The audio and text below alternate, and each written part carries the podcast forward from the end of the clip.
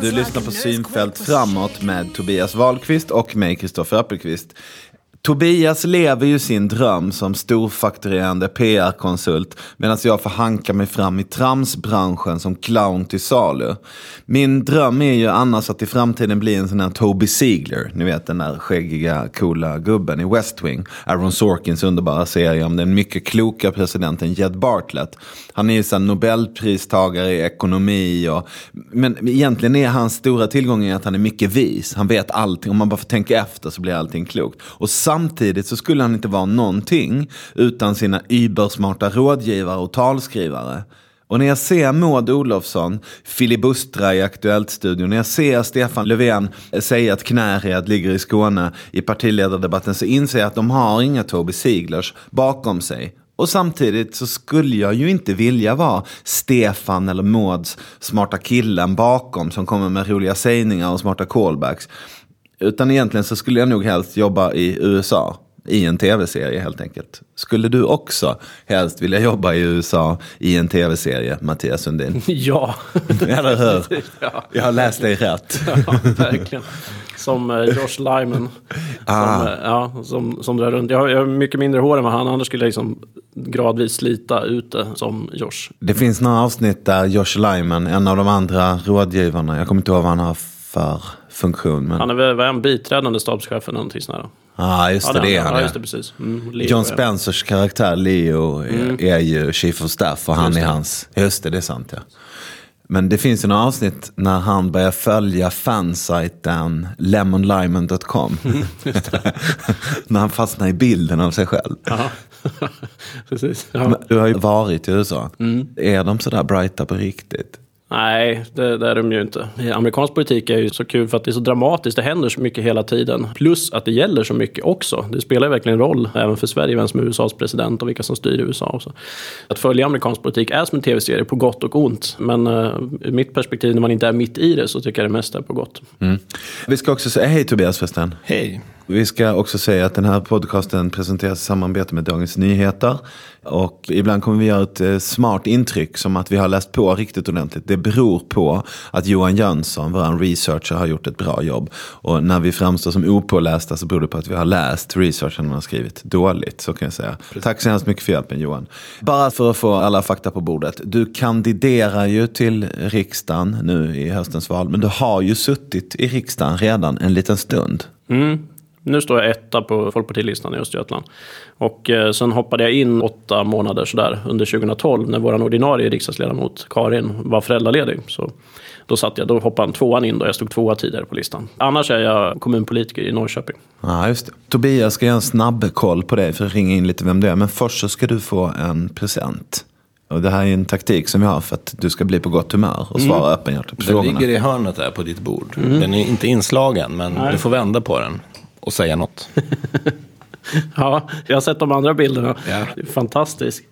Och sen, ja just det, så klipper jag av kabeln till en övervakningskamera där också. Ja, ja det är Ja. lysande. Det är lysande. Tack så jättemycket. Kommer den att stå på tjänsteskrivbordet? Ja, definitivt. Eller kommer du att ha den hemma vid sängen? Valaffisch, ja. Valaffisch. Är det en valaffisch? Ja, men absolut. Ja, den sammanfattar ju väldigt bra en, en, liksom en stor del av min, min politiska liv. Ja, bra. Per Demervall, tack, tack för bilden. Vi ska göra en snabb koll. Vi ställer några frågor och jag tänker att du svarar ganska kort. Borde EU ha mer makt? Nej. Och du är ändå folkpartist. Ja, men jag tror att vi behöver ha mycket samarbete i EU, men det behöver inte betyda mera makt. Det kanske kan vara på något område, men rent generellt så nej. Folkpartister är ju väldigt hängivna EU ofta, men eh, vi hoppar vidare. Borde Sverige gå med i NATO? Ja. Borde staten lägga sig i våra tobaksvanor? Nej. Borde staten lägga sig i vilka husdjur vi har? Nej.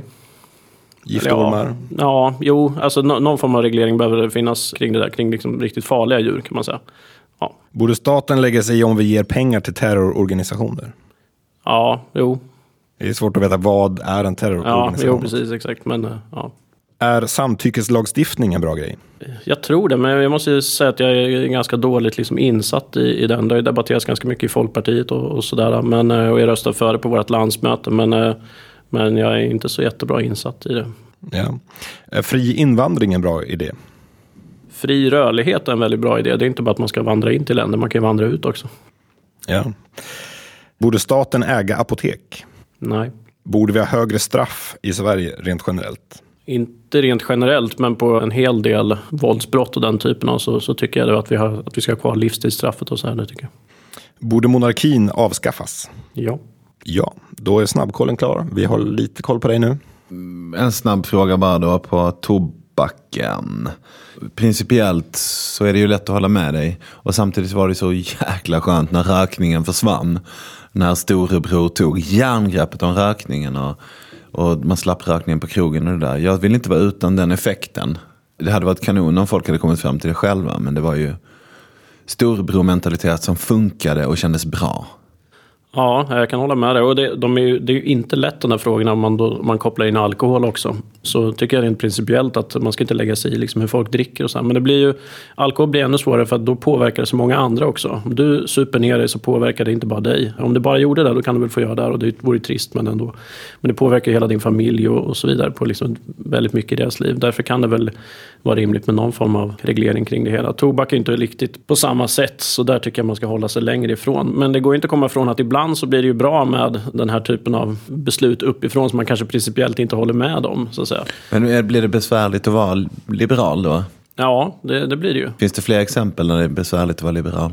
Alla den typen av frågor, jag kommer inte på några just nu, men den typen av frågor där man känner att det här vore ganska bra om, om det var på det här sättet. Men jag tycker inte att jag kan ta mig rätten att driva igenom det liksom över vad, vad, andra människor tycker. Men är det inte så enkelt som att så länge du bara skadar dig själv så är det ditt eget problem. Men när du börjar skada andra så är det för det allmännas bästa att sätta stopp för det. Och är det inte helt enkelt så att om det sitter 17 människor och röker inne på en pizzeria så är det ju nästan att jämställa med en terrorattack. Ja. Och då är det klart som fan staten ska sätta stopp för det. Rökning är ju terror. Det går ju inte att andas där folk röker.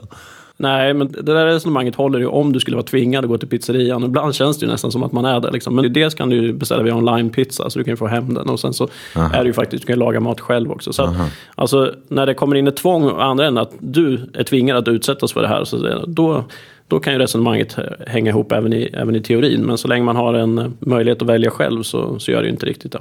Fanns det rökfria restauranger där de sa bara här är rökning förbjuden? Fanns det innan? Jag tror att det fanns, men jag tror att det fanns få incitament att skapa fler eftersom många som jobbade inom restaurangbranschen rökte själva. Just det. Mm, så kan det vara.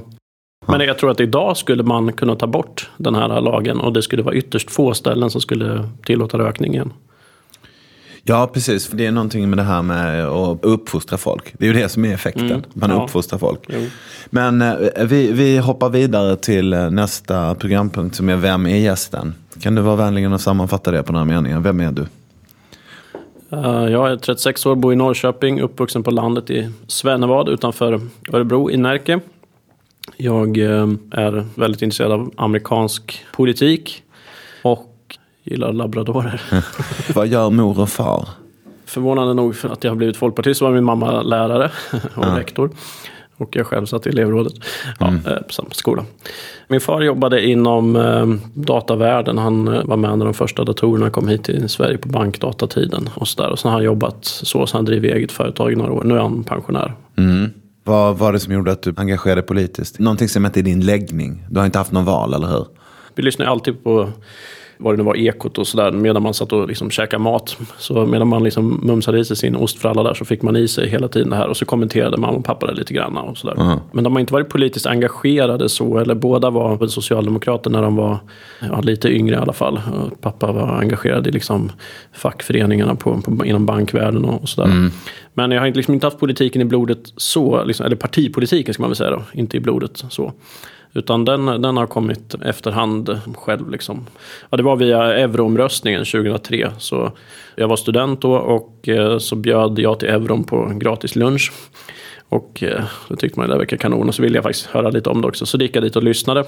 Och så sökte jag jobb där i, i eurokampanjen sen under, under sommaren.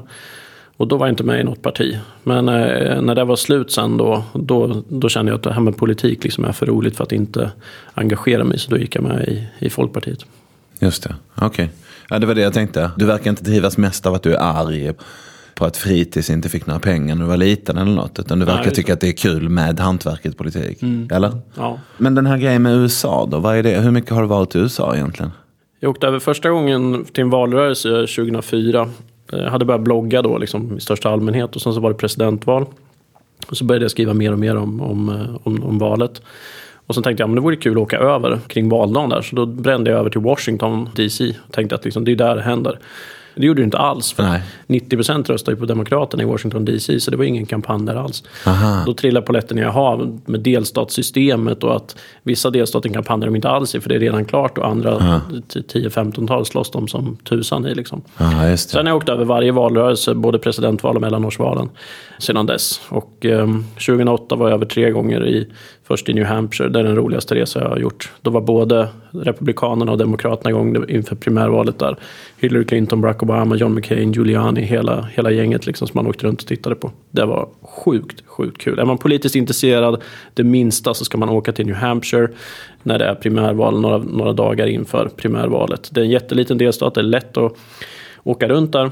Och du kommer så nära kandidaterna. De flesta kan du hälsa på och prata med och så vidare. Vilket ju kul att uppleva dem på nära håll. Det här är skitroligt, men nu söker du jobbet liksom i lilla landet lagom. Du ska sitta och besluta om budgetar, du ska sitta och ljuga för dig själv om kärnkraftsfrågor, du ska sitta och ljuga för väljarna och partipiskan tvingar dig och någon jävla datalagningsdirektiv som du måste svälja. Och så sitter du i hemlighet och läser på iPaden om vad de gör i, i det där riktiga landet på andra sidan Atlanten där du inte Ja, skulle ha en chans att komma in. vad, vad har du att säga till ditt försvar? Ingenting. Nej, du vill bara ha lönen för att Ja, finansiera dina att kan få jävla hobbyresor. Ja, precis. Jo, exakt. Jo, men så är det. Nej då för tusan. Det finns, finns en hel del att göra här från svenskt perspektiv också. Och det är väl en av de grejerna jag tänker försöka göra. Är att liksom lyfta blicken lite grann från, från riksdagsperspektivet. Alltså, du, du har ju alla de här vardagsfrågorna som du räknar upp nu. De måste man hantera. Man har ett, ett län som man representerar. Så man måste föra upp deras frågor.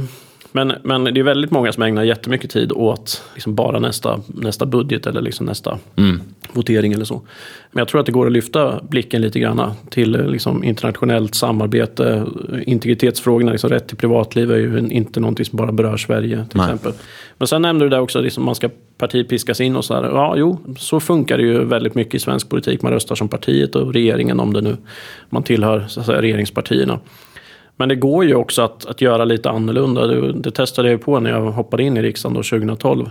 Jag har ju varit väldigt tydlig mot mina väljare och sagt att jag tänker inte liksom bidra till att övervakningsstaten utvidgas. Och eh, naturligtvis då, på min, min, mitt första gruppmöte i Folkpartiet i riksdagsgruppen så var jag tvungen att meddela att, att jag skulle rösta nej till eh, Folkpartiet och regeringens förslag. Det var regleringen då av datalagringsdirektivet. Själva direktivet hade klubbats igenom ett par månader innan jag kom in där. Och då blev det ju livat eh, förstås. Någon sa till mig efteråt att det där det, det är det dummaste man kan göra som ny ledamot. Att liksom gå emot sådär direkt.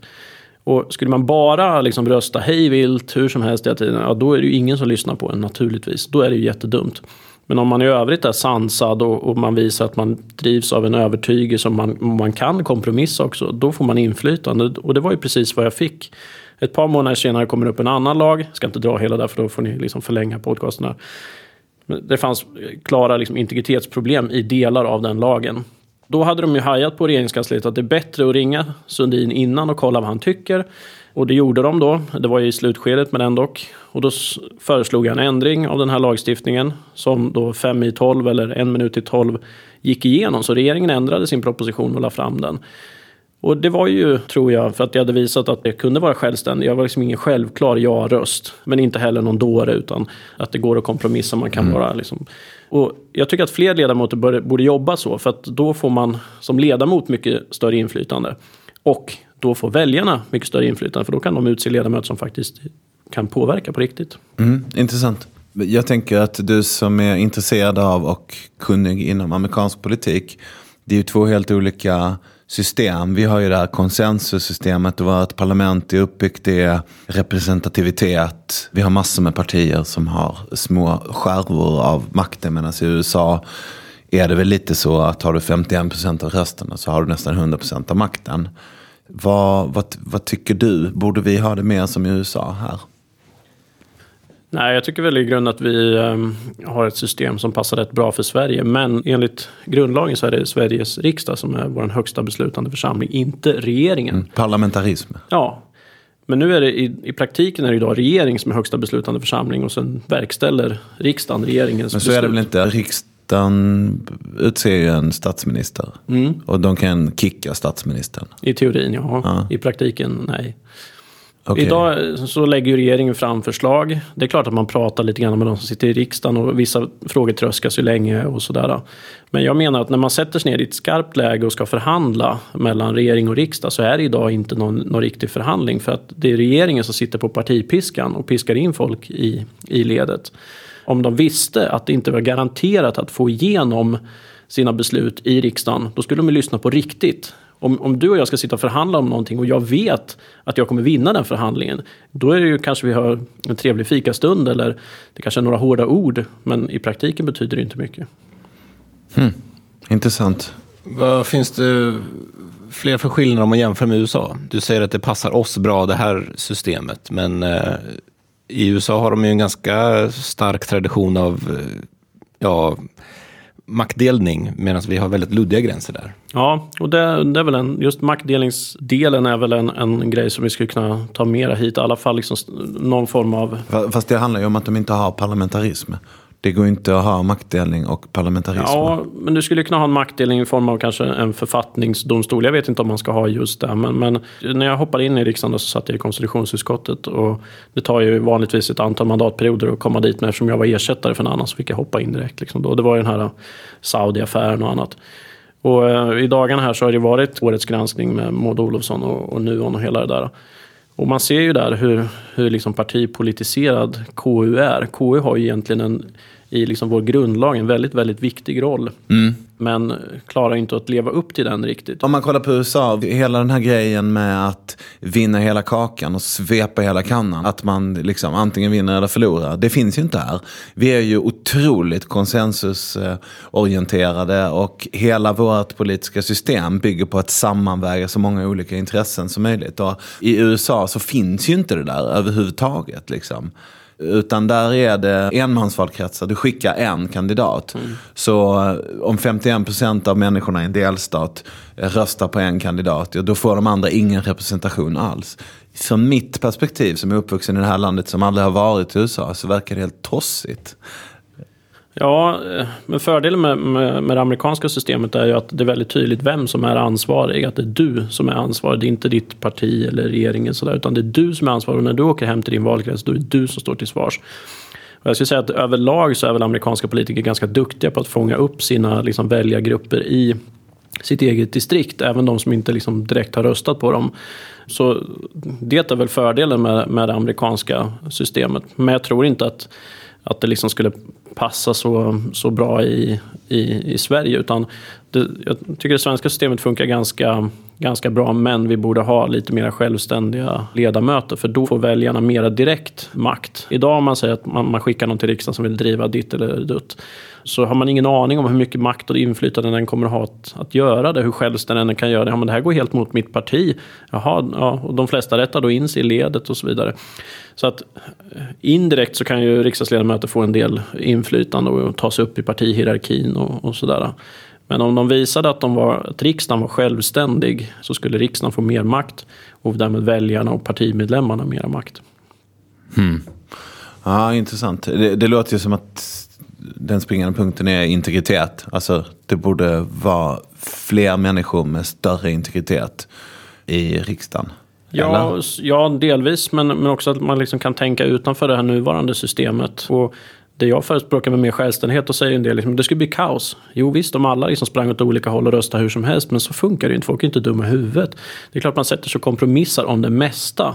Men man kan göra det från en starkare ståndpunkt. Men, men skulle vi aldrig kompromissa, då, då, då, ja, då kommer vi ju ingen vart inom politiken naturligtvis. Det är väl så det funkar i Europaparlamentet mycket. Där är ju folk mer sina egna och måste samarbeta till höger och vänster.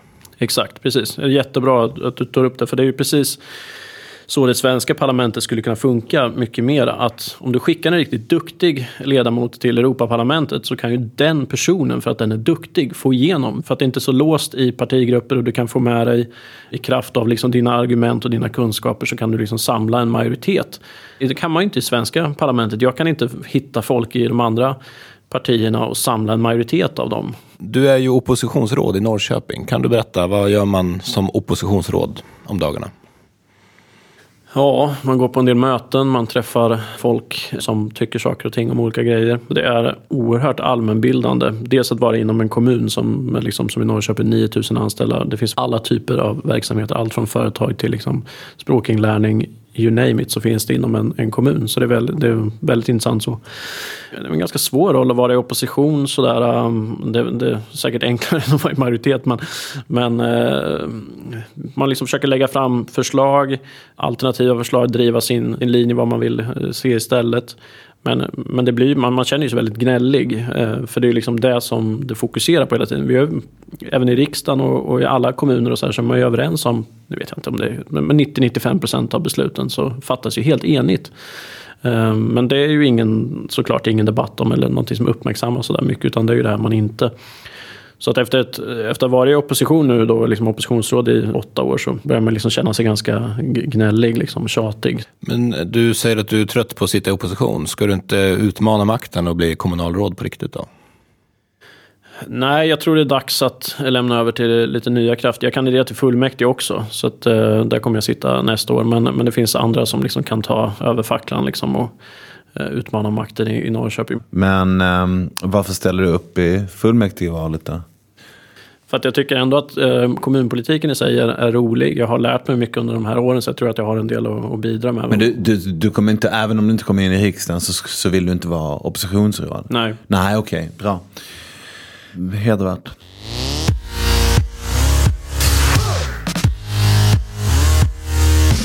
Finns ju inte så jättehöga hus i Norrköping, men tänk att du ska åka rulltrappa i varuhuset Linden med någon som funderar på att rösta på dig. Vad säger du på resan upp? Låt säga att rulltrappsresan tar max en minut. ja, så långa rulltrappor har vi inte. Men vi åker ner igen också. 1991 så genomfördes århundradets skattereform i, i Sverige. Då fanns inte internet. Mark Zuckerberg var sex år gammal. Jag tror att eh, idag med den, den värld vi har idag, med som internet har utvecklat sig, som globaliseringen har, har utvecklat sig i världen, så, så måste vi fundera på vilket skattesystem ska vi ha nu och vilket samhälle då framförallt vill vi ha nu? Vad ska gynnas och missgynnas och, och så vidare. Så jag tror att det är dags för årtusendets skattereform och det är någonting jag liksom tänker jobba med. Jag sitter ju definitivt inte på alla de svaren, men några behöver lyfta blicken i, i riksdagen och fundera lite längre, längre fram. Sen vill jag jobba mycket med eh, internationellt samarbete, att vi får till samarbete kring demokratierna i världen i demokratiernas förbund. Och sen naturligtvis eh, den jätteutmaning vi har med rätten till privatliv och som internet bidrar och hotar mycket. De tre grejerna kommer jag jobba väldigt hårt med. Ja. Mm. Det där om internationellt samarbete ska vi prata lite extra om. Demokratiernas förbund. Ja. Mm. Kort, vad, vad handlar det om egentligen? Demokratiernas förbund är tanken eller idén på att världens demokratier ska samarbeta mycket mer med varandra. Eh, demokrati är ju en helt eh, fantastisk uppfinning. En värld med bara demokratier skulle vara en värld utan, utan svält, utan, utan krig, utan folkmord. Med hög ekonomisk tillväxt, högt välstånd. För det är så världens demokratier fungerar. Och jag tror att om, om världens demokratier skulle samarbeta mycket närmare i någon form av, av förbund så skulle man kunna kanalisera den här kraften som världens demokratier står för. För att både bevara, utveckla och sprida demokrati när liksom det nuvarande världssamfundet bildades på 40-talet efter andra världskriget med FN och, och liksom de organisationerna kring det. Då fanns det ett 20-tal demokratier i världen fungerande. Nu finns det ett 80-90-tal fungerande demokratier. Och då måste vi fundera på hur bygger vi världssamfundet de kommande 50-100 åren. Den kraft som finns i demokratin bör vi kanalisera för att liksom forma den värld som vi vill ha. Jag antar att eh, det finns en viss FN-kritik bakomliggande också. Vad är problemet med FN? Ja, eh, det finns väl en FN-kritik på ett sätt, fast den här idén liksom grundar sig inte i att man tycker att liksom FN är dåligt, vi måste ha någonting annat. FN har spelat en, en himla viktig roll och liksom skapades för att undvika tredje världskrig och där har man ju uppenbarligen eh, uppnått. Men det som är problemet med hur världssamfundet funkar idag och det som är den grund som FN står på är ju den nationella suveräniteten liksom, som går tillbaka ända till västfaliska freden. Att liksom bara du har ett geografiskt område som är en stat, en nationalstat och då är du inom det är du suverän. Oavsett hur du har makten i det här, om det bygger på förtryck eller om det bygger på, på folkstyre. Och det här är moraliskt helt förkastligt. Hur, hur kan det vara likställt med en, ett land som bygger på folkstyre med, med ett land som, som bygger på diktatur eller liksom en auktoritär regim? Så det måste ändras i grunden och det är det som F-systemet grundar sig på och också har en viktig roll. Men ska vi liksom få, få till en moralisk ändring i världen så tror jag liksom demokratierna behöver samarbeta mer och sätta fingret på det här problemet. Vi är ju väldigt förtjusta i vårt styrelseskick. Ja, det, är det, här, eh, det har aldrig utbrutit ett krig mellan två demokratier. Eller sådär. Det verkar ju vara överlägset. Men samtidigt så kan man ju också tänka att om nu människorna i sultanatet Brunei är nöjda med att en galen dåre bestämmer över dem så får de väl ha det så. Annars får de väl slänga ut honom. Det är väl, de får väl organisera sig så som de vill.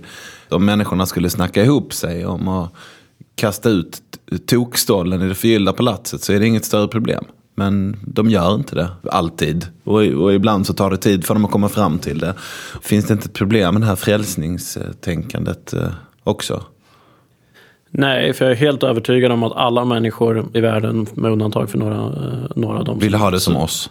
Nej, inte precis som oss, men de vill ha demokrati. Men om sen, man tror, att, om man tror att Gud har skapat jordklotet och att det är väldigt viktigt med grejer som har med Gud att göra. Så det, det, där funkar ju i ett sekulariserat samhälle men det blir ju lite självuppfyllande då om man redan är ett sekulariserat men demokrati har ju ingenting med sekularisering att göra direkt så. Eh, du kan ju ha en väldigt religiös eh, befolkning som i USA till exempel och ändå ha en välfungerande demokrati. Så jag är helt övertygad om att alla människor vill leva i ett folkstyre där de liksom kan tillsätta och avsätta sina, sina makthavare. Och det kan de inte i de här länderna. Du säger att de liksom skulle kunna det om de ville. Nej, det skulle de inte. För att förtrycket är så genomtänkt och så genomgående i de här eh, samhällena så att det är åtminstone extremt, extremt svårt. Sen som vi har sett liksom i, när den arabiska våren kom till i de här eh, staterna, en del av dem som liksom lever mycket på oljepengar och så här, så finns det liksom ett starkt missnöje för att man har inte ens något fungerande liv. Man kan ha ett fungerande liv även i en, i en diktatur så att säga, men med jättelik arbetslöshet och så här. Och då finns det ju grogrund för att det ska hända någonting som det också gjorde i de här länderna, i alla fall inledningsvis.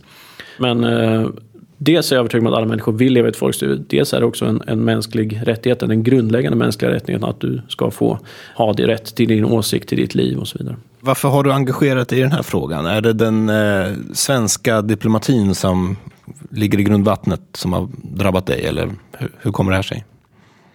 Nej, den har nog kommit via det här um, intresset för amerikansk politik och så. Det var så jag liksom upptäckte den här um, frågan för några, några år sedan. I, I, USA finns det en debatt, och det fanns i alla fall för några år sedan, kring Demokratiernas förbund.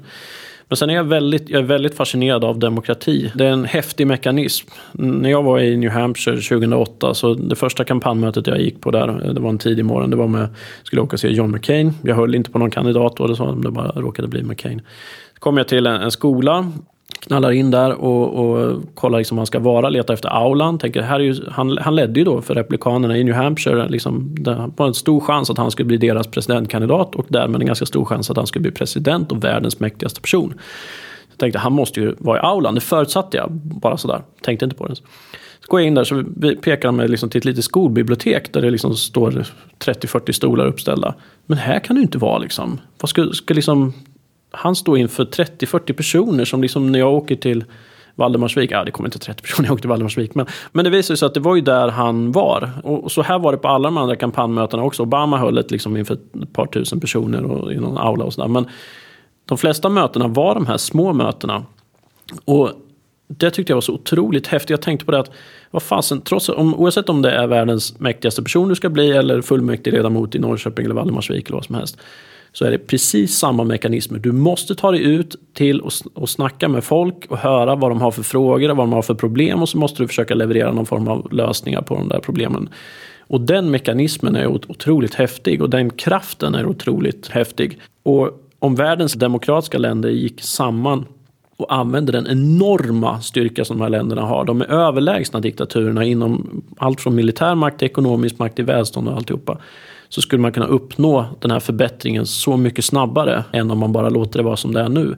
Och nu är vi lite i en brytpunkt här. Antalet demokratier och fria länder har ökat kraftigt men nu har det liksom planat ut. Nu börjar det sacka liksom lite, lite bakåt igen. Ja, det finns ju ett par exempel. Lyssna nu i morse om Thailand till exempel som har gått i helt fel riktning och Turkiet går i helt fel riktning. Precis, och Men, Ungern som jag var i för några veckor sedan vid valet och så här, rör sig också i fel riktning, mitt, liksom i kärnan av Europa, i Europeiska men, unionen. Men för att demokratiernas förbund ska ha någon nytta så måste det finnas något element av frälsning eller räcker det att demokratier träffas och dunkar varandra i ryggen? Och det gäller att, att det är operativt, att man, man jobbar med att de här tre delarna, att liksom bevara demokratin när det har varit, alltså länder som Ungern så att de inte börjar glida, glida bakåt. Att utveckla demokratin, för även om man är i de olika rankingarna som finns från Freedom House och allt sånt där, även om man får perfekta resultat där, betyder det att vi har en perfekt demokrati där? Nej, naturligtvis inte. Den går ju hela tiden att utveckla. Och att sprida demokrati till de delar av världen som inte har kommit till Men då måste vi prata om det. Låt säga att ni i Demokratiernas förbund träffas. Ni eh, pratar lite om eh, direktdemokrati. Ni, är någon som har med sig någon idé om hur man ska kunna rösta på nätet i lokala frågor. Och sen så kommer ni till den operativa saken och där är det någon som tycker att sultanatet Brunei ska vi försöka få med oss. Hur gör ni då?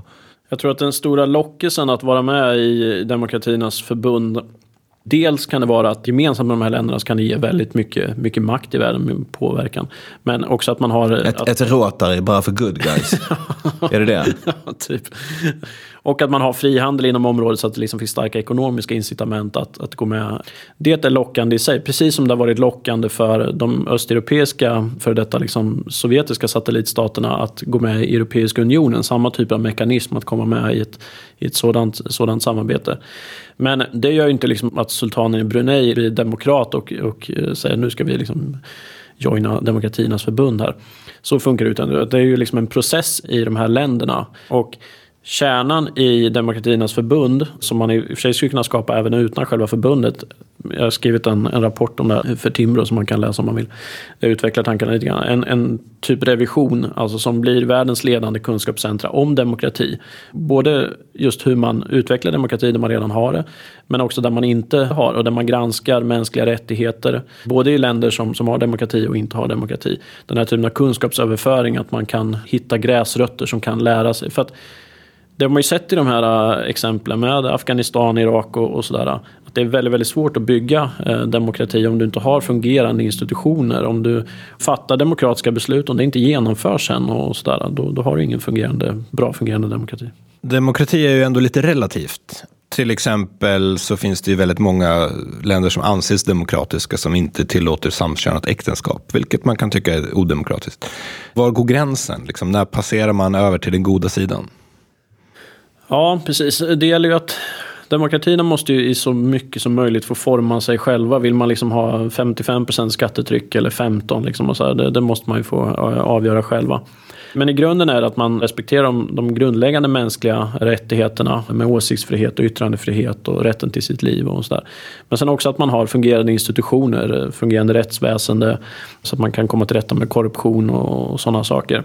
Beslut som fattas, att de också genomförs. Sen kommer det ju massa olika såna gränsdragningsfrågor. Liksom, ska samkönade äktenskap, ska det vara en del av, av det hela och sånt där. Den typen av åsiktsfrågor, då, då tycker jag att i de flesta fall så ska man överlåta det liksom, till det landet att bestämma. Så länge som det är i huvudsak liksom, folket som bestämmer det så att säga, så är det acceptabelt. Jag tycker det är jättebra att man sett till att när man går med i Europeiska unionen att man inte kan ha dödsstraff då till exempel. Det, det tycker jag är jättebra. Men i ett demokratiernas förbund så tycker jag att det ska avgöras liksom på, på nationell nivå även om jag själv är emot dödsstraffet. Ja, Texas kommer inte vilja vara med annars. Nej, precis. Men eh, rättssäkerhet, någon sorts eh, handlingskraft, effektivitet i förvaltningen och ett omfattande självstyre. Mm. Då är det en demokrati. Ja, jag kan inte släppa känslan av att om du kommer till ett land och börjar förklara det här. Ja, du måste helt enkelt anställa missionärer som jobbar med att övertala folket. Liksom. De finns redan i de här länderna. Alltså det, det, finns människor i alla de här länderna som vill ha demokrati och som behöver stöd liksom, i hur man utvecklar det. Vissa av de här länderna kommer man inte in i, som i Nordkorea. Ja, 2012 när jag satt i riksdagen så var vi en liten delegation och hälsade på i Nordkorea. Där skulle ju Demokratiernas förbund inte liksom komma i, i närheten så att säga. Men, men, men är, det, är det en intresseorganisation detta? En, en intresseorganisation för välfungerande demokratier som träffas och utvecklar demokratibegreppet ihop och ska då nordkoreaner få komma dit och gå på kurs? Eller vad, vad är det liksom som är grejen? Ja, det kan det väl vara. Men framförallt så handlar det om liksom att hantera gemensamma utmaningar. Det kan vara Eh, framförallt då liksom säkerhetspolitiska utmaningar. Idag är det bara FNs säkerhetsråd som kan fatta beslut om om man ska få liksom göra en väpnad insats någonstans. Jag tycker att Demokratiernas förbund ska få fatta den typen av beslut också. Att det vore bättre om demokratier fattade den typen av beslut än organisationer där det liksom sitter icke-demokratier med att göra. Så den typen av gemensamma utmaningar, både ekonomiska och säkerhetspolitiska utmaningar, plus sånt där som kan poppa upp, pandemier och alltså den typen av problem som man kan hantera gemensamt. Kan man tänka sig att globalisering är en sån missionär? Hur menar du? att Ju mer vi har med varandra att göra så får vi starkare inblick i ja, vad schysst de verkar ha i Sverige. Eller? I globaliseringen så, så lär vi oss väldigt mycket av varandra. Att man kan komma hit och se vad schysst de har, har det där. Liksom. Men, men framförallt det här utbytet av idéer att idéer bryts mot, mot varandra. Och det kan väl något sånt som Demokratiernas förbund kan medverka till. Både inom demokratierna men mot de länder som inte har det också. Ja. Nu ska vi hoppa fram 20 år. Mm. Hur ser det ut då? Demokrati slash diktatur ratio. Hur ligger det till? Förmodligen så har demokratierna fortsatt att ta mark men det är ingen självklarhet på något sätt. Vi ser utvecklingen nu med, med inte minst med, med Ryssland hur de börjar agera och att sju år på raken så har i Freedom House eh, ranking så har liksom fler länder blivit mera ofria än, än länder som har blivit friare. Så att eh, vi står i någon form av mm, balansögonblick i, i världshistorien. Det gäller liksom att demokratisering och liksom den typen av utveckling, det, det görs inte av sig självt. Och det kanske vi har börjat tro här att eh, liksom, efter Sovjetunionens fall så var det så många länder som plötsligt blev demokratier så de tänkte att det här ordnar sig. Men, men det gör inte riktigt av sig själv utan det, det uppstår utmaningar hela tiden. Nu måste vi hantera Ryssland till exempel på ett helt annat sätt än vad vi trodde kanske för fem år sedan. Tänk om 50 år.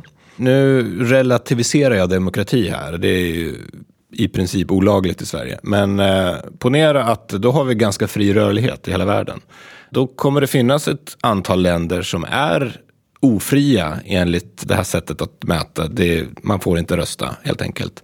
Men att just tack vare den fria rörligheten så har folk möjlighet att välja den här förpackningen. Och det är inte otroligt att de faktiskt gör det. Redan idag så bor det ju massor med människor i Dubai som inte får rösta där. De flyttar aktivt dit för att de föredrar att bo där. Kan man tänka sig att det inte blir fler demokratier utan att diktaturerna blir konkurrensutsatta på ett sätt att de ändå tvingas skärpa sig på något sätt? Hänger du med? Ja, men det skulle väl ändå världen vara bättre då. Men jag tror inte att det skulle bli sådär. Det är kanske att några liksom i någon desperat dödskamp liksom öppnar sig på ett sådant sätt så att en del människor vill bo där. Så att säga. Men men demokratin är en så, så stark kraft att så länge som liksom breda massan människor får bestämma så vill inte de bo i länder där man liksom inte har rätt till sitt eget liv. Jag vill minnas att jag fick lära mig när jag läste statskunskap en gång för länge sedan att om man vill demokratisera en diktatur så är det bättre chans att det ska hålla på sikt om man börjar med ekonomisk liberalisering. Om marknaden först liberaliseras, så som i Kina nu till exempel. Om de nu går mot en demokratisk utveckling så är det i sådana fall bra att de har infört liksom fri företagsamhet och marknadsekonomi först innan de politiska friheterna kommer på plats. För om de får allting på en gång så blir det ja, Syrien helt enkelt. Delar du den bilden? Nej, inte att man måste gå den vägen liksom. Men, men sen är det väl... Men om man kollar på exemplen. Så ja. i de fall där den ekonomiska friheten har kommit före den politiska friheten. Då finns det resurser att fördela. Men om man inte börjar i den änden, att man tillåter företag att bygga upp resurser som man kan beskatta och fördela. Så eh, är det fortfarande hungriga människor. Hungriga människor skiter i idealen. Brödet först och moralen sen. Och om, det, om, man skulle köpa den idén som jag tycker låter rimlig så borde det ju i sådana fall eh, vara ett argument för att handla med diktaturer och låta dem komma med i den ekonomiska eh, framgången. För att på så sätt ge dem en chans. Är du med på vad jag tänker? Ja, och, och som du beskriver där så, så, tror jag du har rätt. Sen är det liksom inte någon nödvändighet att gå först tror jag, med de ekonomiska. Men om man tar Kina då som exempel så är de väl, skulle jag bedöma, eller gissa eller vad man nu ska säga, att de är betydligt mer redo för demokrati nu än om de hade liksom bara smällt till med allting liksom i början på 80-talet. Men jag tror inte man måste gå den vägen utan okay. man kan liksom göra det, det parallellt. Men jag tror att det är det är jättebra att överlag att handla med diktaturer för att det tvingar ändå samhällen att öppna sig mera än vad de hade varit annars. Okej. Okay. Och det är bra. Okay.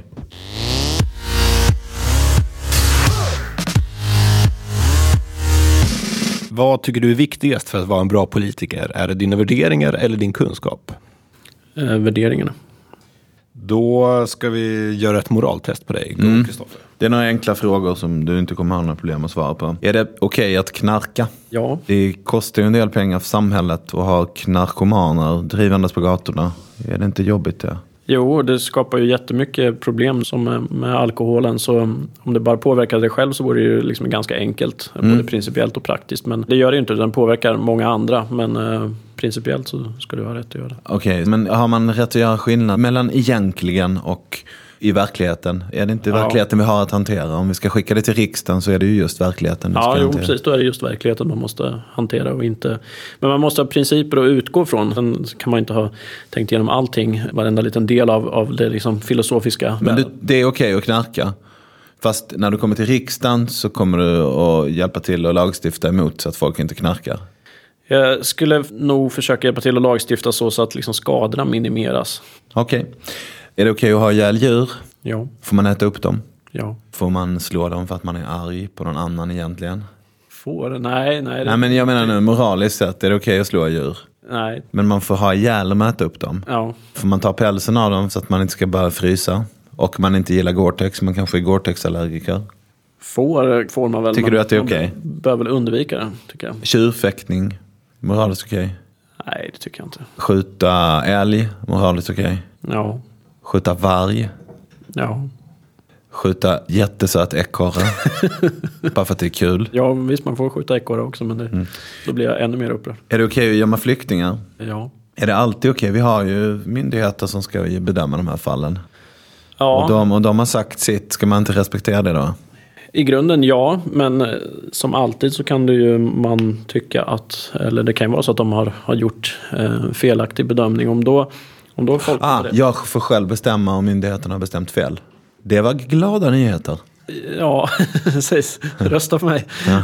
Nej, men eh, det är klart att det kan du alltid göra om du liksom är beredd att ta straffet för det. Du har alltid liksom rätt till civil olydnad om man nu vill kalla det det. Just det. Är det okej att gå mot röd gubbe? Ja. Jaha, bra. Hör ni det alla barn? Är det okej att köra mot röd cirkel? Nej. Då får vi backa. Det är okej att gå mot röd gubbe. Är det okej att cykla mot röd cykelgubbe? Var går gränsen? Är det fossila bränslen som är... ja, det är en skiljande faktor. Ja. Eh, nej, cykla bör man nog inte göra kanske. Nej, jag vet inte. Får man köra för fort? Nej, det tycker jag inte.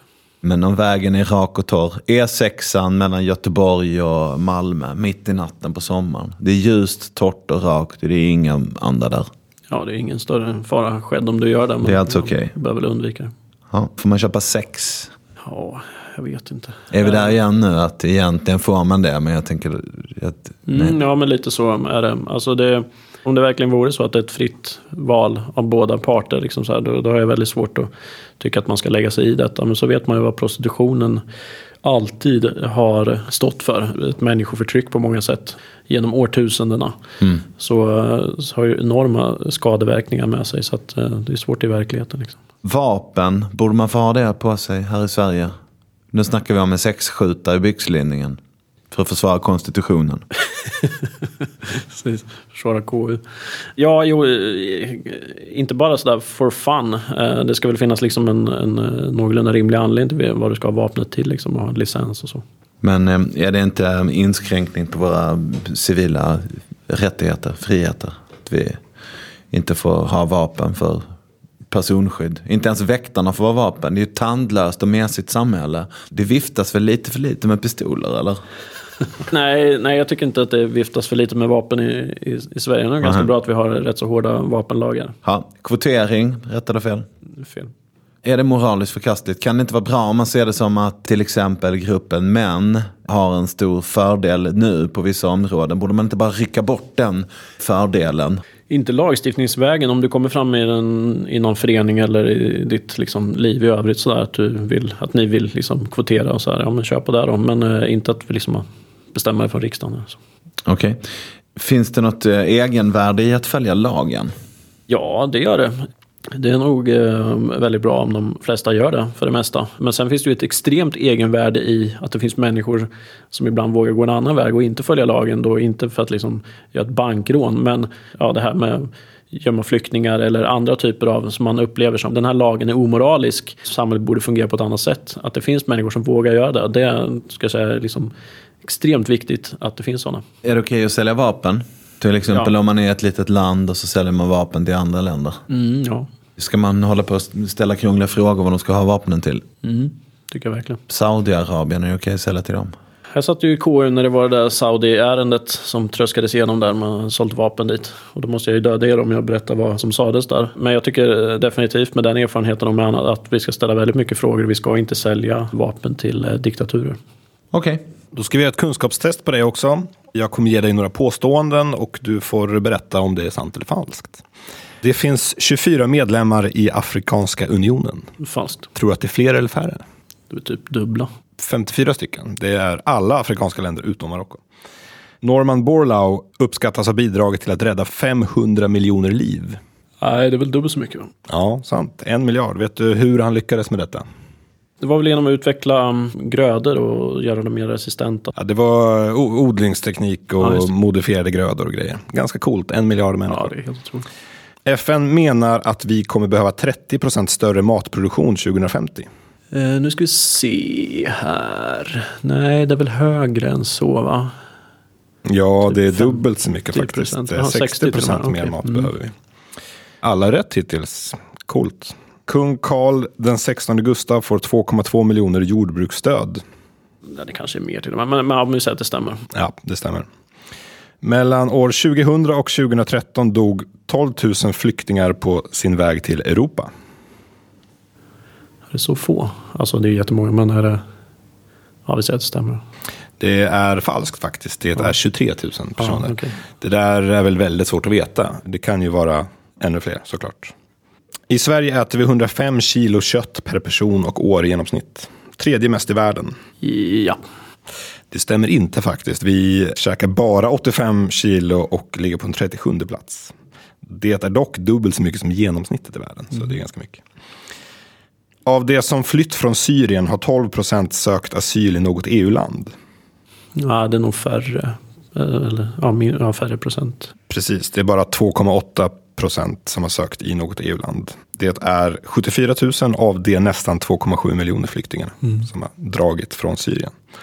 Då är kunskapstestet klart. Det var väl rätt på de flesta. Bra ja. jobbat. Ja, snyggt. Hatt av.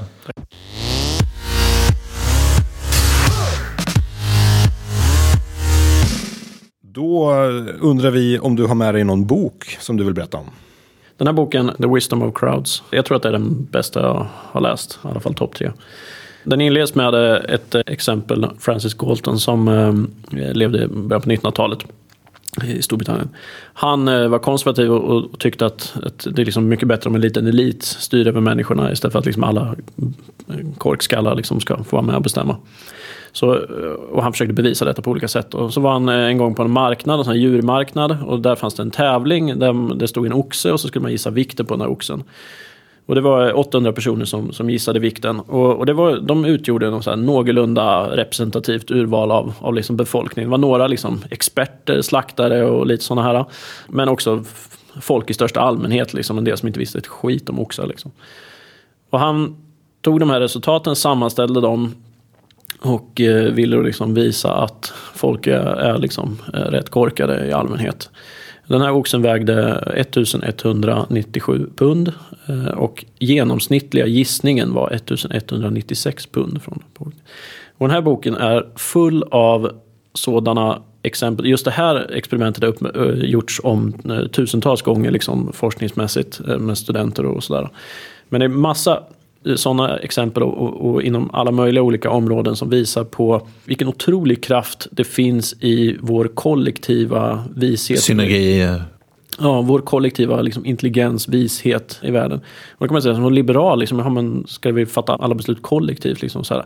Men det är inte konsensus att liksom alla ska vara överens. Utan det är just att, att vi här tre som individer vi är smartare än vad liksom var och en och enskilda. Även om liksom du Tobbe är liksom sjukt mycket smartare än, än, än oss andra. Så tillsammans så är vi ändå smartare Och så, är det inte, och så är inte fallet. Heller.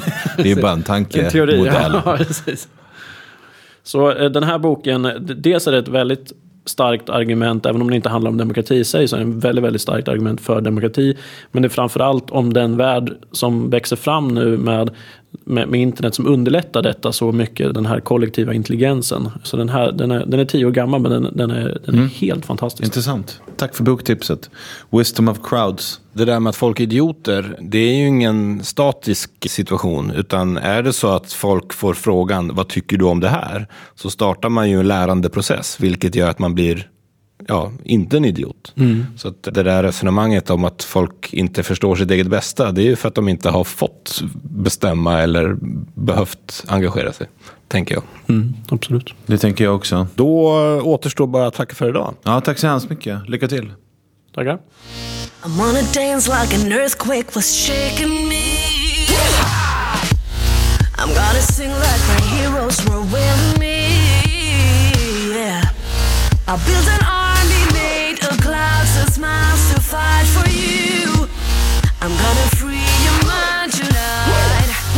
When I'm